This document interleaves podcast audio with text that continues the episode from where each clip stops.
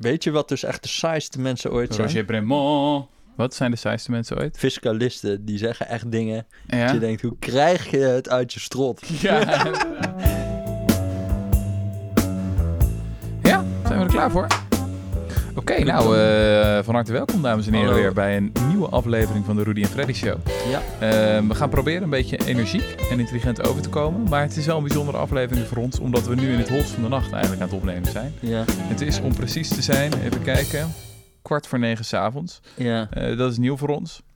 Jesse, je had een drukke dag, hoe voel je je? Ik voel me eigenlijk verslagen. ik, ik ben echt gewoon midscheeps geraakt vandaag en ik ben eh, rustig aan het afzinken. Maar we hopen de energieniveaus nog een beetje hoog te houden. Ja, nou, ik voel me top. Allereerst ook even een esthetisch punt van orde. Ja. Alweer Ik, een eh, tand verloren. ik ontbeer dus nu weer een tand. ja. Uh, ditmaal, ditmaal was het weer een eh, te hard stokbrood wat mij eigenlijk eh, heeft opgebroken. Je hebt eens te meer een goede kop voor de radio. Juist, ja. ja. Eh, maar ditmaal heb ik hem ook ingeslikt. Oké. Dus dit is voor langere duur. En heb je hem al eh, uitge... Nee, nee, nee, nee, nee, nee, nee. Zover is het nog niet. Oké. Maar er is wel goed nieuws. Want eh, wij, ik verwacht eerlijk gezegd dat ik volgende maand, Ja. als wij onze live podcast gaan, eh gaan doen, da-da-da, Ja, vet. ja, Ja. dat die er dan wel weer is. Dus Rutger, kun je dat even aankondigen? we hebben bijzonder nieuws, dames en heren. Wij gaan binnenkort een live podcast doen. En ik heb van onze lieftallige event manager van de correspondent, de grote event mufti eh Machteld Vinkenborg, heldere instructies gegeven over wat ik jullie nu mag mededelen. Jullie trouwe luisteraars van de Rudy en Freddy Show die dit als eerste mogen weten. Wij gaan op donderdagavond, 6 juli, om half acht s'avonds, in een intieme setting in Tuindorp Oostzaan, de podcast opnemen. Waar gaan we het over hebben, Jesse? Eh, ja, ik had verzonnen. Kijk, we willen alle twee eh, een boek schrijven, ooit. Mhm. Eh, en we gaan het gewoon hebben over waar wij een boek over willen schrijven. Ja, En dan kunnen we het ook een beetje met die 70 mensen daarover hebben, weet je wel. oké. Kunnen we ook nog wat vragen uit het publiek hebben. Even wat input. Dat wordt hartstikke leuk en interactief. Dat klinkt goed. Co-creatie. Zo Een zou ik het stukje-. Zo Ja, want het, dat past ook bij de samenleving. hoor. We zijn ook nog een platte ja, netwerksamenleving, ja, weet je wel? Waar... Samenleving 4.0. Ja, Ja. oké. Klinkt goed. Ehm, wat kun je doen als luisteraar? Nou, je kan je aanmelden bij Machteld via evenementen.decorrespondent.nl. Ik moet hierbij vermelden, er is beperkt plek. Eh, en wie het eerst komt, wie het eerst maalt. We hebben het voorkomen sociaal-darwinistisch ingericht op dat vlak. Eh, wij zijn omkoopbaar. Eh, doe een voorstel. Aanmelden is overigens gratis in principe. En op de avond zelf vragen we je wel om een bijdrage te leveren. Want we hebben natuurlijk de huur en dat soort dingen. En eh, onze pilsbehoeften. Eh, maar we gaan het doen volgens het geheel anarchistische principe pay what you want. Pay what you want. Zeker. Daar ja. ben jij een best fan van, toch? Ja, daar ben ik enorm fan van. Ik heb dat wel eens helemaal voorgesteld voor de correspondenten. Ik hoop niet dat ik hier bedrijfsgevoelige informatie aan het debiteren ben. Maar Vertel even dan, pay what you want. Het is pay what you want is dat jij gewoon zelf maar bepaalt wat het mag kosten. Er zijn wel restaurants die dat doen. Mhm. Eh, ik begrijp ook dat het best vaak bij games voorkomt. Dus zelf ontwikkelde games, dat mensen ook zeggen van... eh, nou, ik vind het 15 dollar waard bijvoorbeeld. Mhm. Maar eh, zo gaan wij dat evenement doen. Eh, ja, dat Oké. toch? We krijgen nu gebaren van onze podcastmaakster. Oh, Ja, is dat is ook een bar. Ja, is Nee, zeker. Er is ook, Ja. Jullie hebben ook een pilsbehoefte, net als ik. Oké. Eh, dat, dat maar dat is niet zeker pay een what you belangrijk onderdeel. wel? Eh, Dat is niet pay what you want, neem ik aan. Nee. Oh, Oké, nee, dat is wel drink what you want. Oké. Eh, en ehm, dan is inmiddels de microfoon ook uit. Nou, wij hebben er zin in. Dus nogmaals, donderdagavond 6 juli 1930. Stuur een mailtje naar evenement.decorrespondent.nl als je erbij wil zijn.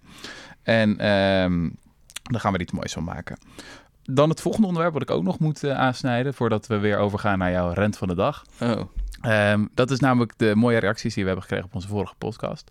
Eh, ik ben bezig aan een nieuw stuk over spelen, over het belang van ehm, eh, vrijheid in het leven van kinderen en volwassenen en noem maar, op. ja. En inmiddels heb ik een immense stapel van opvoedboeken en, en boeken over kinderen besteld.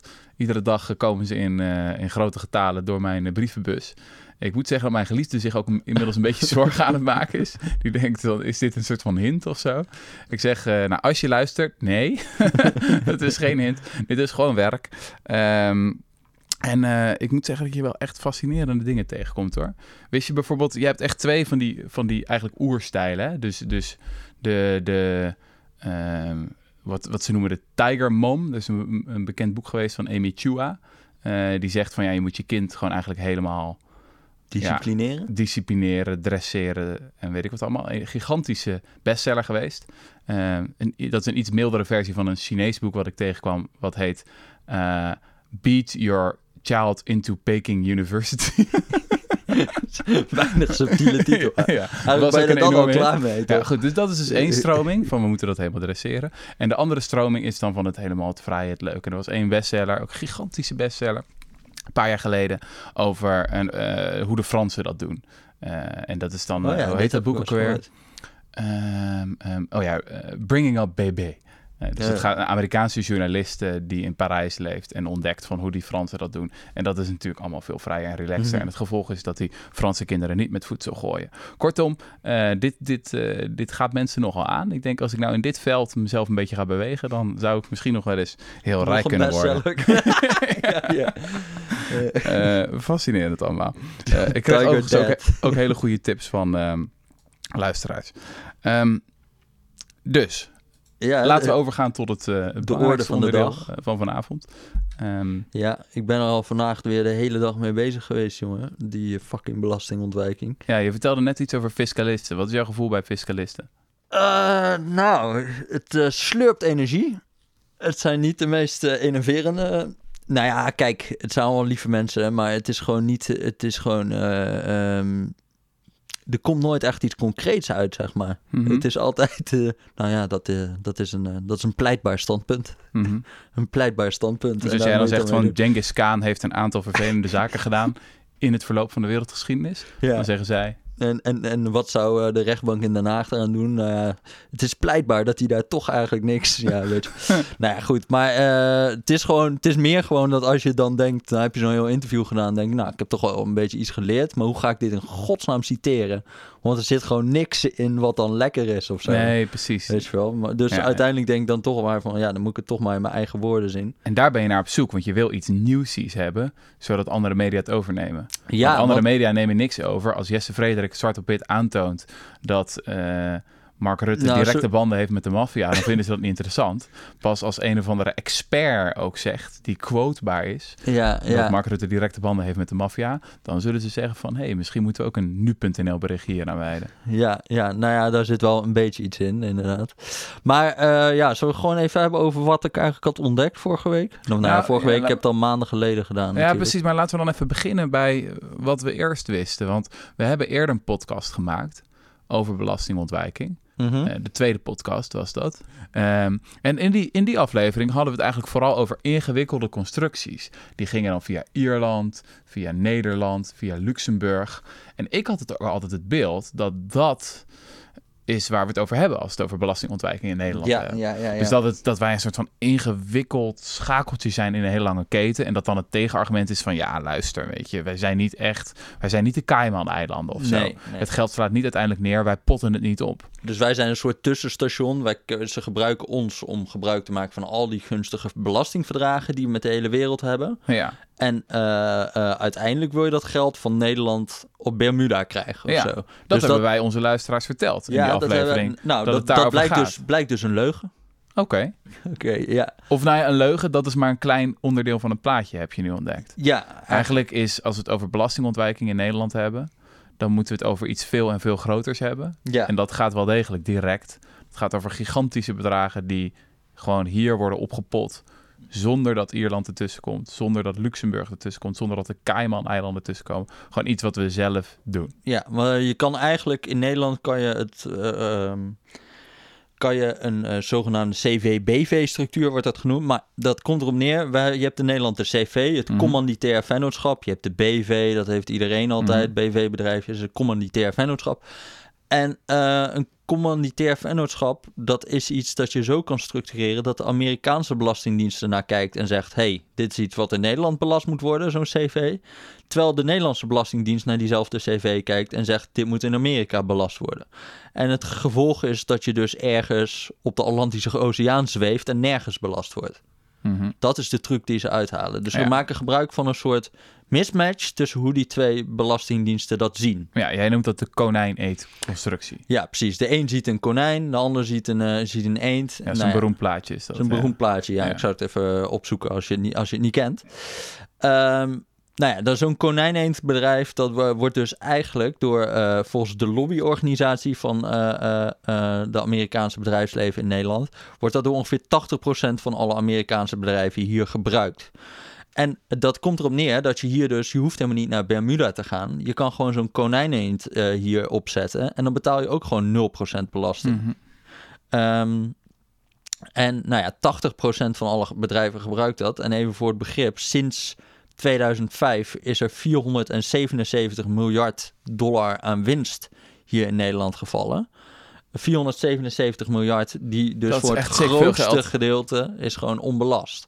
Eh, Ik heb wel het gevoel dat je bij een miljard moet zeggen dat het 1000 miljoen is. ja, dus ja, 477.000 miljoen. Ik heb het idee dat, dat mensen dat heel vaak vergeten. Ja, ik probeerde dus de hele tijd bij die, bij, bij, want ik probeerde het natuurlijk in een persbericht, ook in andere Ja. media en zo te krijgen, dit verhaal. En dan had ik, eh, ja, dat is een half biljoen met een B. Maar kijken of dat dan werkt. Maar goed, Nee, ja, dat, eh dat de meeste mensen denken door. toch 1, 2 veel. Ja, ja, dat is wel echt zo, ja. Wat is nou 477 miljard? Ja, nou ja, goed, dat is eh, ongeveer twee keer het Nederlandse overheidsbudget, geloof ik, hè? Maar ja, Dus, eh, dat zit hier dus opgepot. Grote Amerikaanse bedrijven hebben in Nederland, laten we zeggen aan de Zuidas, zo gigantisch veel geld opgepot. mhm. Waar ze normaliter belasting over zouden moeten betalen. Dus hoeveel zou dat zijn? 35% in Amerika, dus dat is een derde. Een derde zou je eraan aan belasting moeten betalen. Dat kan je niet helemaal zeggen, want ze hebben ook misschien nog aftrekposten en weet ik het allemaal. Maar in principe is het 35% daar. Ja. Dus dat gaat om enorme bedragen. Maar wat nou zo interessant is, en daar gaat mijn verhaal ook vooral over, is dat wij in, eh, eigenlijk was deze structuur was bijna uitgeschakeld. Want wij hebben in 2002 heeft eh, Wouter Bos, Wouter Bos, Wouter Bos, we kennen hem nog wel, was toen staatssecretaris van Financiën.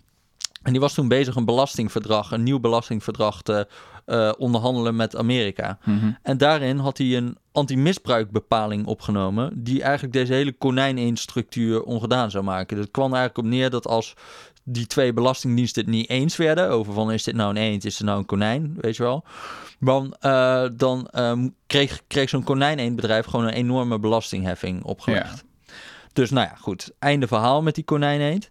Maar toen gebeurde er iets heel vreemds, want toen heeft eh, staatssecretaris Joop Wijn van de CDA, de opvolger van Wouter Bos, eh, die heeft nadat belastingadviseurs daar enorm over begonnen te klagen over die anti-misbruikbepaling, Mhm. heeft hij gewoon eenzijdig besloten, ehm, weet je wat, laat maar dat hele ding. We gaan dat gewoon niet doen, die eh, anti-misbruikbepaling. Die gaan we In het niet... Amerikaanse belastingverdrag. Ja, de- hij heeft gewoon gezegd, dit gaan we niet toepassen als Ja. Nederland. Dus wij gaan het niet belasten. Alleen voor de VS. Alleen voor de VS. Ja. En dat is ook de- nog een, daar zit ook nog een haakje aan. Want eh, de vraag is of dat wel mag. Of je wel alleen voor de eh, VS dit mag Ja, doen. Is eigenlijk staatssteun. Ja, dat zou staatssteun kunnen zijn. Dat wordt ook betoogd door sommige fiscalisten. Dat is bepleitbaar. Dat is pleitbaar, inderdaad. Dat zeggen ze dan. Ja. Nou ja, één iemand zegt dus dat is zo. En als je het aan alle andere fiscalisten vraagt, die zeggen ze dat is pleitbaar. Ja. Eh, nou ja, dat. eh, Maar goed, dat is heel interessant. Want ik heb dus eh, ook een WOP-verzoek gedaan. Een wet openbaarheid bestuur. Dus heel veel Mhm. documenten opgevraagd over wat er toen allemaal is gebeurd in die tijd. En dan heb ik best wel wat documenten eh, eh, boven water gekregen. Die toch wel best wel een raar beeld scheppen van hoe dat dan is gebeurd. Dat Mhm. hele eh, besluit van Maar, maar vertel, vertel eerst even hoe dat werkt. Dus jij, jij denkt van, ik wil hier meer van weten. Mhm. Van die CVB-BV-structuur, hoe is dat ontstaan? Dan zit jij met een lauwe bak koffie eh, achter je laptopie en denk je, ik ga een WOP insturen. Hoe werkt dat? Hoe stuur ik een WOP in? Je zegt gewoon, ik wil alles over dit. Naar Ja. info.ministeriefinanciën.nl. Ja, maar je moet, je moet gewoon een, eh, een brief sturen naar het ministerie van Financiën als ze denkt dat ze vervelend zijn. Een aangetekende brief. Ja, ja. Dan weet je zeker dat die aankomt. En dan eh, zeg je, nou, ik wil alle beleidsnotities, alle e-mails, alle ges- eh, voorbereidende gespreksnotities, weet ik het. Je hebt gewoon zo'n standaard lijstje. Mhm. Eh, en die verband houden met het besluit van Joop Wijn, bla bla bla bla. Dat moet je helemaal specificeren. En eh, nou ja, dat stuur je dan op. En dan duurt het eh, drie maanden of zo. Maar dan krijg je wel iets terug. Vaak dingen worden zwart gemaakt en weet ik het allemaal. Maar ik kreeg eigenlijk best wel heel veel interessante informatie eh, terug. Hm. Dus bijvoorbeeld ook e-mails van uh, uh, dat ze aan de Amerikanen vragen: yo, wij zijn van plan dit besluit te nemen. Wat vinden jullie daar eigenlijk van? En dan zegt die Amerikaanse man bij de Treasury Department: zegt, Ja, we vinden het prima als jullie onze bedrijven een betere behandeling willen geven. Als jullie dat graag willen en niet suggereren dat wij hetzelfde hoeven te doen voor jullie bedrijven. Mhm. Nou, dat vind ik best wel, best wel een vreemd, vreemd verhaal. Ja, dat is wel pikant. Maar toch, voor, die, voor de VS is het ook nadelig, toch? Zij een minder belasting. Kijk, en daar is het rare, want uh, dit, dit is een beetje lastig eraan. Want wat, wat, wat het dus in voor de VS is, is het een soort uitstel van belasting. Dus wat, je, wat het is, is dus niet, onbe, het is niet afstel van belasting, het is onbeperkte uitstel van belasting. Zolang dat geld hier staat in Nederland, uh, wordt het niet belast in Amerika. Maar stel dat, uh, nou, ik noem een voorbeeld. Je hebt bijvoorbeeld Pfizer. Pfizer zit hier, de grootste ja. farmaceut uh, van heel de wereld. Die hebben hier 115 miljard staan opgepot. Grootste Lekker. bedrijf hier. Ja, dat is enorm. En, maar als ze die 115 miljard terug willen halen naar Amerika om aan, uit te keren aan hun aandeelhouders, moeten ze gewoon 35% afrekenen. Ja. Dus ze proberen het zo lang mogelijk in het buitenland te laten. Mm -hmm. Dus voor Amerika is het ook zo dat zij denken: ja, uh, dit is geld wat we op een gegeven moment toch nog gaan belasten. Mm -hmm. En wat het eigenlijk is, is het dat het een soort subsidie is aan hun eigen bedrijven om in het buitenland zoveel mogelijk winst te maken. Oh, ja. Dus het is een subsidie van, het Amer van de Amerikaanse overheid, waarmee Amerikaanse bedrijven oneerlijk kunnen concurreren met Europese bedrijven bijvoorbeeld. Ja. Want zij, zij betalen, kijk, als wij een gamemaker hebben hier in Nederland, dan betaalt hij 25,5% belasting. Ja. Maar een Amerikaanse gamemaker, die betaalt ja, precies, 0%. Ja. Dus het is een beetje een dubbele kant zit eraan wat dat betreft. Ja. De Amerikaanse voor, overheid heeft er zowel voor- als nadelen. Ja, nou ja, het, en het ligt Maar uiteindelijk aan. is het vooral de multinational die profiteert. Dat is het vooral. Ja, ja, ja. Ja, want waar, waar, al die bedrijven ook op zitten te wachten natuurlijk, dat is eerder gebeurd. In 2005 heeft die George Bush heeft toen gezegd, ja, jullie mogen al dat geld wat jullie in het buitenland hebben opgepot, mag allemaal terugkomen voor 5,5% belasting. Ja, daar wachten ze op. En nou heeft uh, Donald Trump heeft al aangekondigd, we gaan dat weer doen, maar dan 10%. En dan zegt het congres, nou 10% is wel heel veel, kunnen we niet drie van maken? Nou ja, dan komen ze daar straks weer ergens in het midden uit. Maar dan komt weer al dat geld van Apple, van Pfizer, van General Electric. terug, ja. Wat ook die 400 uh, of die half biljoen die in Nederland staat opgepot, komt allemaal weer terug naar Amerika voor een verlaagd tarief. En gebruiken ze het in de tussentijd ook voor andere dingen? In, in Ja. Europa kunnen ze niet iets mee kopen nog? Ja, ja, ja. En dat is dus een heel interessant haakje aan dit verhaal. Want het gaat dus ook over overnames van eh, Europese bedrijven. Want eh, als ze dat geld zouden terughalen om een Amerikaans bedrijf mee over te nemen, moeten ze afrekenen, 35%. Als ze Europese bedrijven mee overnemen, dan niet. Dus Oh ja, dan dus betaal Pfizer kan de HEMA kopen of zo? En dan, eh, Nou, bij Pfizer is het helemaal interessant, want die proberen nu de hele tijd Ierse farmaceuten over te nemen. Die hebben al bijna, wat bijna de grootste overname ooit is, willen 160 miljard betalen voor een Iers, eh, voor Allergan. En wat ze dan nog willen doen, en dat is helemaal dubieus, ze willen zeg maar ehm, verplaatsen van Amerika naar Ierland. Dus ze willen een soort overname-fusie doen, waarmee zij ook niet meer een Amerikaans bedrijf zijn straks. Dus dat Pfizer niet meer van Amerika verhuist naar eh, Ierland. Nou, er zijn allemaal regels om dat dat eigenlijk niet mag. Maar toen heeft Obama heeft in 2016, toen ze dat geprobeerd heeft hij eigenlijk een soort regel in één keer aangekondigd van, nou, dat gaat niet gebeuren, Pfizer. mhm. Want dat zou betekenen dat dus ook die 115 miljard die hier staat in één keer vrijvalt en nooit meer aan Amerika belast wordt. Mhm. Toen heeft, eh, maar nu is Donald Trump al bezig om die regels te herzien. Om te gaan kijken van een, of dat misschien toch mag. Oké. Dus dan zou Pfizer gewoon een- in één keer kunnen verplaatsen naar Ierland. Nou ja, en dan valt al dat En geld dan hebben we het weer over 115.000 miljoen. Ja, 115.000. Ja, ik blijf het maar even zo noemen. Ja, het is echt, het is echt belachelijke bedragen. En het, ik snap wel dat dat op een gegeven moment dat dat een beetje begint te duizelen. Maar laten we even wel in het oog houden dat dit echt, dat dit echt heel veel geld is. Ja. Maar laten we nog even terug op Joop Wijn. Want Joop Wijn heeft dus een beetje een ranzig rolletje gespeeld in dit geheel. Ja, nou ja, het, ja het, is, het is sowieso een beetje raar waarom hij dit besluit heeft genomen. Want het, het, het was echt een probleem toen. En, nou ja, en, hij die- begreep het ook, toch? Hij, hij begreep goed zijn wat hij deed. documenten van het blijkt dat hij wist wat het gevolg zou zijn. Ja, En dat is ook wel interessant van eh, als je terugkijkt naar die tijd, hoe toen de tijdsgeest was. Want toen was het echt zo van, ja, het maakt niet echt uit. Je doet alles om die buurman te naaien eigenlijk. Ja. Het was vestigingsklimaat eerst. Zo wordt er is altijd een soort codewoord, vestigingsklimaat. Dat betekent gewoon dat wij gaan in een soort race zitten met andere landen om wie de grootste voordeeltjes kan geven aan multinationals. Maar dus En- zodat je uiteindelijk gewoon op 0% zit. En iedereen een belastingparadijs. Ja, ja, nou ja, ja, precies. Voor bedrijven althans. En wij, voor- wij waren toen eh, in concurrentie met eh, Zwitserland, met Luxemburg en zo. Ja. En dan probeerden we allemaal gewoon al die bedrijven het, het, eh, hier te gaan halen. Mhm. Nou ja, dat hebben we glorieus gewonnen, kan je wel zeggen. Wij zijn, als je de data bekijkt, sinds dat besluit van Wijn...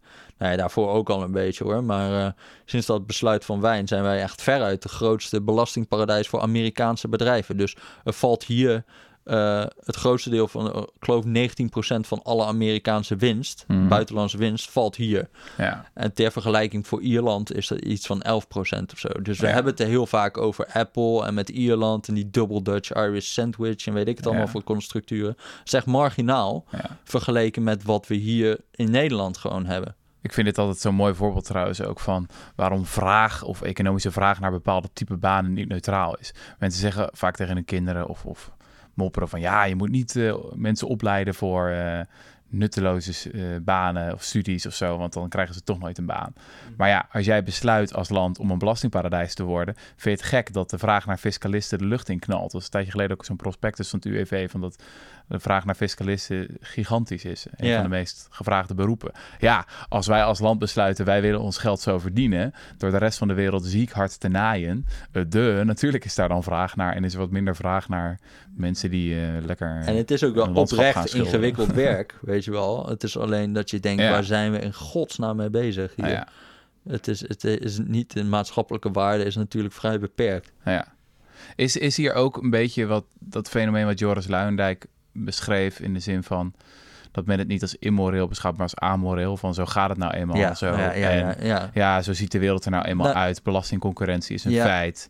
Ehm, en zolang het allemaal legaal is, is het prima. Ja. ja, ik zit er hier heel erg over na. Ik zat vanmiddag toevallig, door, er zijn nu ook hoorzittingen over de Panama Papers. Hè? Dat is heel interessant ook. Maar daar zat In de ik, Tweede Kamer. ja, daar zat ik te luisteren. Maar weet je wat het ook uitlokt, die amoraliteit? Is dat het zijn juristen. Nou, dat is sowieso een beetje regels volgen. eh, en dan niet meer helemaal naar de geest van de wet kijken. Dat is bij Mhm. dit heel erg. Maar ah, je lokt die belastingontwijking ook heel erg uit als jij in je belastingregime gewoon heel strikt bent over, met duidelijke regels. Want hoe duidelijker die regels zijn, hoe makkelijker jij gewoon als je daar, eh, als je daar een gaatje in vindt, eh, je dat kan gebruiken. Terwijl als jij regels hebt, dat zei iemand van die Belastingdienst gisteren, met, vandaag met die hoorzitting. Ja, wij houden eigenlijk wel van regels die een beetje vaag zijn, die, we, die je nog kan interpreteren. En dat je kan naar iemand toe kan gaan en kan gaan zeggen van... ja, oké, maar wat je nu doet klopt gewoon niet. Dit deugt gewoon niet, Ja, ja, zeg maar. Ja. En juist omdat, die, omdat, omdat ze die regels dan een beetje vaag zijn...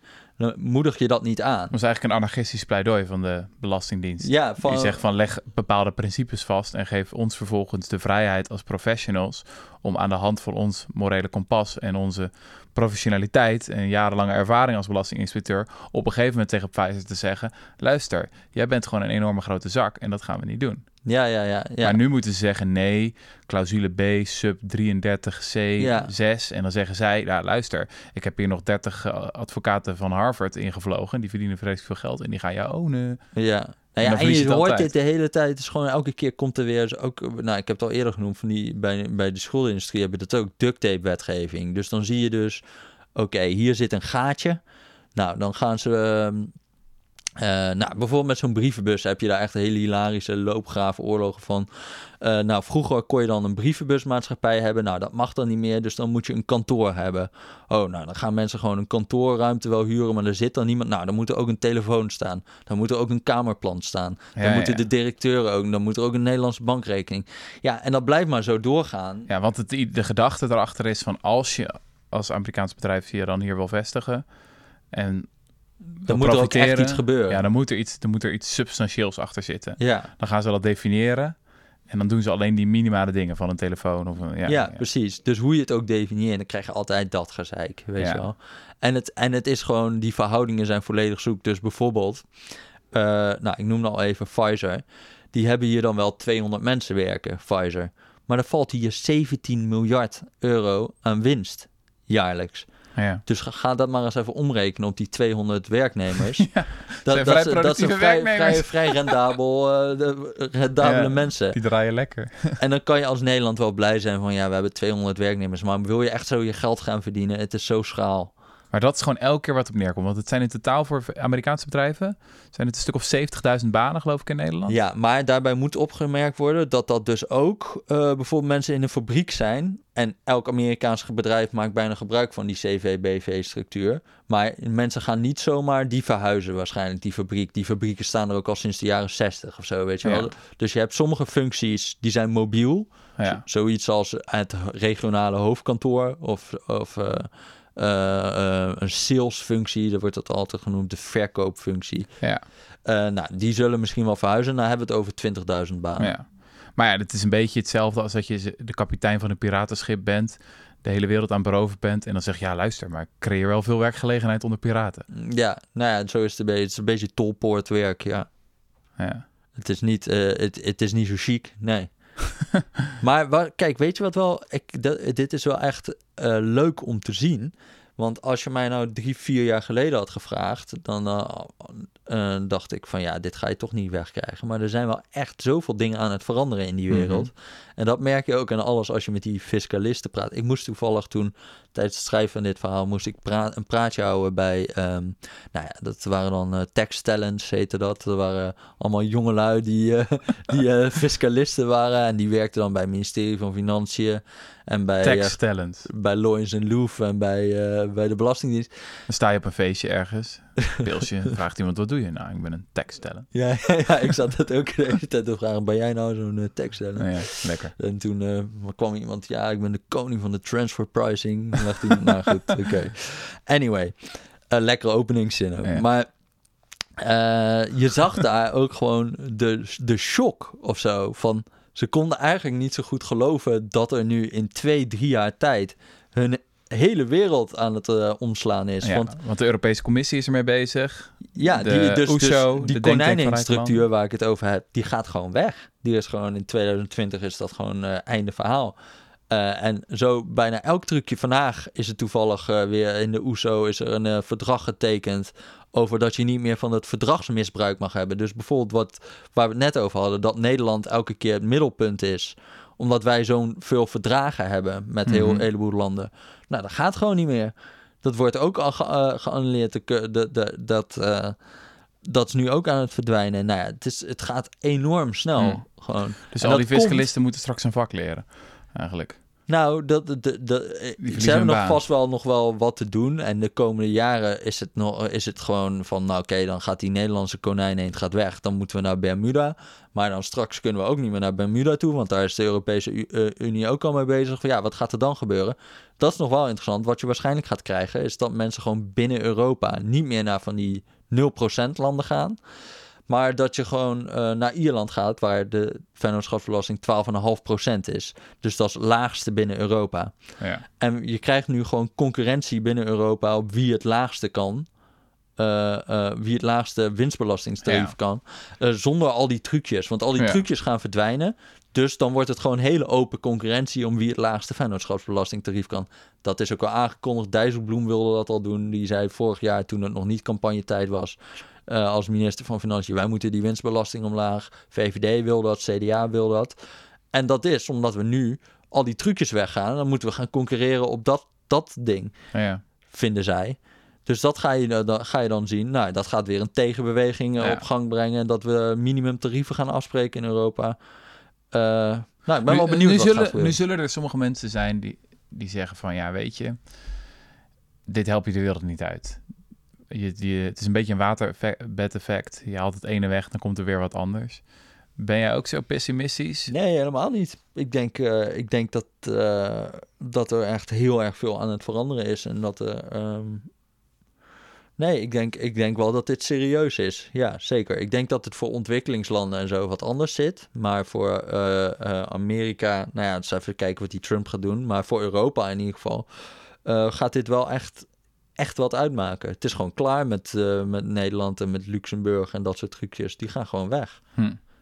vanaf 2020. En wel wel benieuwd wat er voor. Misschien, ze zijn nu wel ook dingen aan het doen nog, ook in Nederland, van om dat een beetje te redden. Maar ik denk gewoon dat ze dat. Dat schreef je ook in je stuk van Ja. eh, Amerikaanse lobbyisten die zeiden we moeten niet onze oude schoen weggooien voordat we een nieuwe hebben. Ja, en die hebben wel Dus een al fiscale wensenlijstje. Maar kijk, weet je wat het grote verschil is? Als je nu kijkt naar dat besluit van Wijn in 2005, toen was er geen tegenmacht.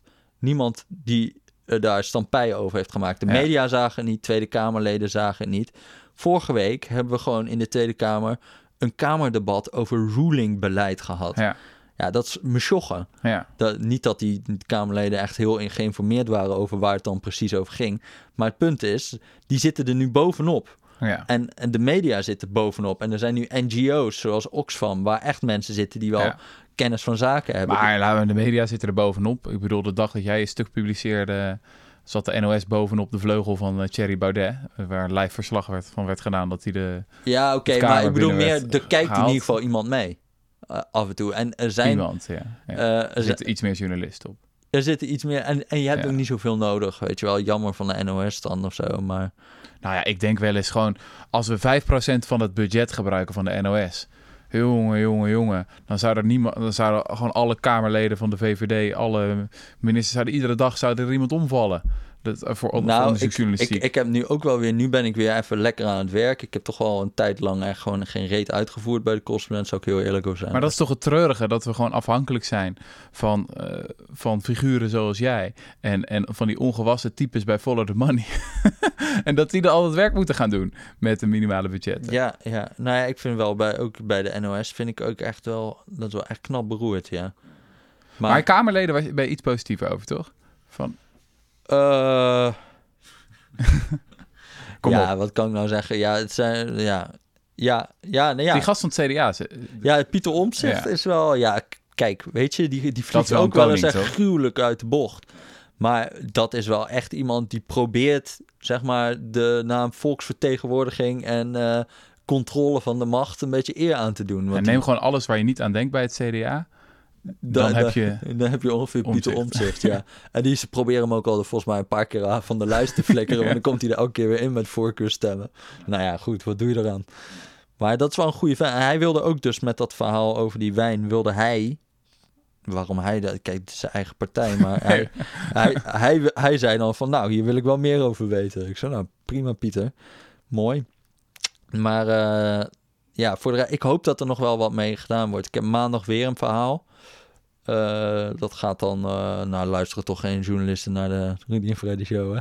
Nee hoor, Nee. kom erop. Gaat over staatssteunaspecten. Dus eh, dat, dat dat besluit van Joop Wijn misschien staatssteun is. Nou, dat is nou behoorlijk interessant. Want we hebben het net al even gehad over om wat voor bedragen dat gaat. Mhm. Als je daar even mee gaat rekenen, dan kunnen we wel, mocht dat inderdaad staatssteun zijn, als dat pleitbaar is, Mhm. dan, eh, dan kunnen we wel een paar jaar het onderwijs gaan financieren. Laat, laten we het zo zeggen. Ehm, de Europese Commissie heeft natuurlijk alles bij Ierland gezegd van ja, jullie moeten bij Apple 13 miljard gaan ophalen. Mhm. Nou, voor Nederland hebben we het dan over veel grotere bedragen nog. Eh, dus de vraag is of ze dat aandurven. Maar het is, Mhm. het is zeker een verhaal eh, wat, waar je... nou ja, het is pleitbaar, zoals ik al zei Ja. Dat het staatssteun zijn. Dat is wel heel interessant. Nou, ik hoop dat het, dat, dat nog wat meer losmaakt. Want dat, eh, dat was wel teleurstellend bij dat vorige verhaal. Dat gewoon eh, eh, andere media totaal niet oppikten. Echt, ik vind het eigenlijk, eigenlijk bizar. Want ik heb hier toch wel ook wel... Ja, Bas Jacobs, die ook in de aflevering was, die twitterde dat ook van een half miljoen, biljoen aan belastingontwijking en geen nieuws. Nee. Nou ja, ik heb wel een paar mensen gesproken en dan, die hadden dan wel redenen van... eh, nou, ik vond het eigenlijk ook flutredenen ook, maar goed. Ehm, ja, bij NRC hadden ze hun eigen scoopje, want ze hadden iets Ja, van- want ik zag wel een NRC-journalist Tom Kreling twitteren dat dit een eh uitstekend stuk van je vond. Ja. Ja, maar zij hadden die dag, ze hadden die dag wonderlijk iets hoe over- nieuws werkt, hè? Ja, het is wel echt, Echt, je lelijk moet het gewoon helemaal in de, in de week leggen van tevoren. Je een beetje lik, inlikken bij journalisten. Je moet quotejes hebben. Je moet andere experts al hebben. Het gaat helemaal niet zozeer alleen om de, echt de substantie die je hebt. De feiten die je naar boven hebt gehaald. Ja, Weet je, de lieve wat- heren zou terugkomen kunnen komen op aarde. En we zouden het op beeld kunnen hebben. Maar als we niet een paar experts zouden hebben. Andries Knevel of zo. Die zegt van ja, nee, de, de lieve heer is inderdaad teruggekomen op aarde. Ik heb hem gesproken. eh, dan zouden we het alsnog niet bij de NOS krijgen. Ja, jij zegt dat over die experts. Ik denk nog, weet je wat eigenlijk nog... Want dat had ik nu ook bij dat vorige verhaal... waar ik ook wel eens die 50 minuten lang eh, durende rent hierover heb Ja. gehouden. eh, met die onverzekerde auto's. Eh, het is eigenlijk ook, eh, zeg maar... Het zijn van die verhalen die gaan over structuren. Dus waar hebben we het hier over? Ik zat ook dat persbericht te tikken. En toen dacht ik, oké, er is dus een besluit uit 2005... En daardoor zijn op structureel 477 miljard. Het is een beetje van wat is het haakje? Zo, waarom, Mhm. waarom, zou, waarom moet een nieuwsmedium daar nu iets over hebben? Of Ja. Nou, met die volle de money scoop over Henry Keizer, de VVD-voorzitter, was gewoon lekker. Oké, hij is nu voorzitter, ja, hij moet weg. ja, ja en, precies. En dan was heb je gewoon een nieuwscyclusje daarover. Maar Joop Wijn zit al lang eh, ergens op Ibiza of zo, En weet ik veel waar bovendien, die deze zit. structuur gaat verdwijnen in 2020. Ja. Dus er is, al, er is al iets besloten over dat dit weg moet. Eh, dus ja, wat wil je nou eigenlijk? Nou ja, goed, het gaat dan over een half biljoen. Dus ja. ja, kijk, daar gewoon- houdt het bij mij gewoon op. Ik Het is gewoon een niet... beetje dezelfde reden waarom dingen als klimaatverandering of groeiende ongelijkheid minder vaak het nieuws halen. Ja, alleen als er een onderzoekje is of een nieuwe goede quote. Maar het zijn dingen die iedere dag gebeuren Mhm. en niet alleen vandaag. Ja, Weet je wel? Het is gewoon structureel onrecht en dat is niet nieuwswaardig. ja. Ja, ik zat ook te denken inderdaad, die Rob Wijnberg heeft best een punt, hè? Ja, maar dat is ook een hele talentvolle jongen. eh, die, eh, daar gaan we nog veel van horen, denk ik. Hoor. Ja, Ja, ja, ja, dat, is, eh, dat is interessant. Ik wou nog even afsluiten eigenlijk met een mooie mail die je hebt gekregen van Joop Wijn. Oh Want ja, want, vandaag, eh, misschien dat heb kunnen ik we- ook nog kunnen we dat- meegemaakt. kunnen we dat nog even vertellen? Want Joop Wijn heeft zich nog goed laten verteren door het fiscale wereldje. Oh ja. Eh, leuke borrels geweest en dat soort dingen. Zijn, zijn partner is nu toch... Of is hij dat nog steeds? De Zijn- voorzitter? zijn- nou, die is zelfs die is, eh, die is nog hoger opgekomen. Want hij werd, zijn partner Patrick Mikkelsen, die werd in augustus 2012 de directeur bij de eh, American Chamber of Commerce. Dat is de grootste lobbyorganisatie in Nederland. Ja, eh, van de Amerikaanse bedrijfsleven. Daar werd hij directeur. lekker. En inmiddels is hij voorzitter van de American Chamber of Commerce Europe. Kijk. Hij is, hij is het aan het maken. En Oh ja? Joop Wijn, die is natuurlijk ook een eh, graag geziene eh, gast op dit soort eh, partijtjes. Mhm. Die, die was er bij het Grand Gala Ball, het 50th Anniversary Gala Dinner, Oh ja. de Annual Wine and Cheese Party. en daar was hij Er allemaal zijn bij. vast ook veel teksttalents aanwezig ja, geweest. daar waren menig teksttalent aanwezig. Ja. Eh, ja, en hij, en hij kreeg natuurlijk ook eh, van de American Chamber of Commerce de Investment Award. Voor Oh, zijn lekker. buitengewone bijdrage aan het Nederlandse vestigingsklimaat. Ik vind En- ook zo mooi, zo'n vestigingsklimaat, dat is zo'n verhullende term. Ja, ja, Dat is ja. gewoon- ja, ja. Dat is echt Gratis cadeautjes voor multinationals. vestigingsklimaat. Nee. Ehm, maar goed, die, eh, hij heeft me vandaag eindelijk gemaild. Want ik had hem eh, ook al dat vorige artikel gemaild. Nou, daar heb ik helemaal niks meer op Daar heeft hij niet op teruggekregen. gereageerd. Nee. Eh, maar nu zei hij, nou, bedankt voor het toezenden van uw conceptartikel. Ik zou graag reageren, maar het gaat over wet en regelgeving die nog steeds geldt en waarvoor de staatssecretaris van Financiën functioneel verantwoordelijk is. Daarom houd ik me aan het staatsrechtelijk gebruik om als oud-staatssecretaris niet te treden in actuele discussies. Ik reken graag op uw begrip eh, hiervoor. Nou, helder toch? Maar ge- eigenlijk gewoon, eh, hij zegt niks. Ik vond ook nog wel interessant, die, eh, die Erik Wiebes, die zei nog in de Tweede Kamer, ging die ook Ja, ja. Eh, dit verhaal. En toen zei- had hij ook zoiets van, eh, eh, nou ja, hij bevestigde eigenlijk gewoon wat ik had geschreven. En Dat Mhm. vond hij allemaal prima. Maar toen zei hij op het einde, nou, zou we het dan nu nog zo doen? Nee, nee, dat denk ik niet. Nee, nee. De informatie aan de Tweede Kamer was ook niet bepaald optimaal. Nou ja, goed, oké. Maar dat is dus het verhaal. Zo, nou, daar gaan we de podcast mee afsluiten. Lieve mensen, ik hoop dat jullie wat vonden. Ja, ja, ja Eh, ik ook. Ik heb weer genoten van je, Jesse. Ik ben kapot. Zo zie je er ook uit. Eh, wanneer gaan we die podcast ook weer opnemen? 6, eh 6 juli. Dus volgens 6 mij hebben we er nog wel één podcast voor. Toch? Of niet? Ja. 7 juni? Ja, nee. Ja, doen we nog eens. Doen we nog maar, maar meld je aan dus. Uh, Eh, Wij hebben er zin in. Ja, zeker. Lijkt me lachen, man. We hopen jullie ook. We hebben het gewoon een beetje eh, conservatief ingeschat. Ja, we hebben dus geen idee of iemand hier überhaupt zin in heeft. Al heb ik wel één iemand gezien die, die een beetje gefrustreerd was en zei... Ja, ik heb dus Alles gerefreshed. alles gefrefreshed dagenlang. Daar kan je nu mee ophouden. Daar kan je niet bij opbouwen. ja. Eh, groetjes. Eh, de groeten. Nou, het B, ja.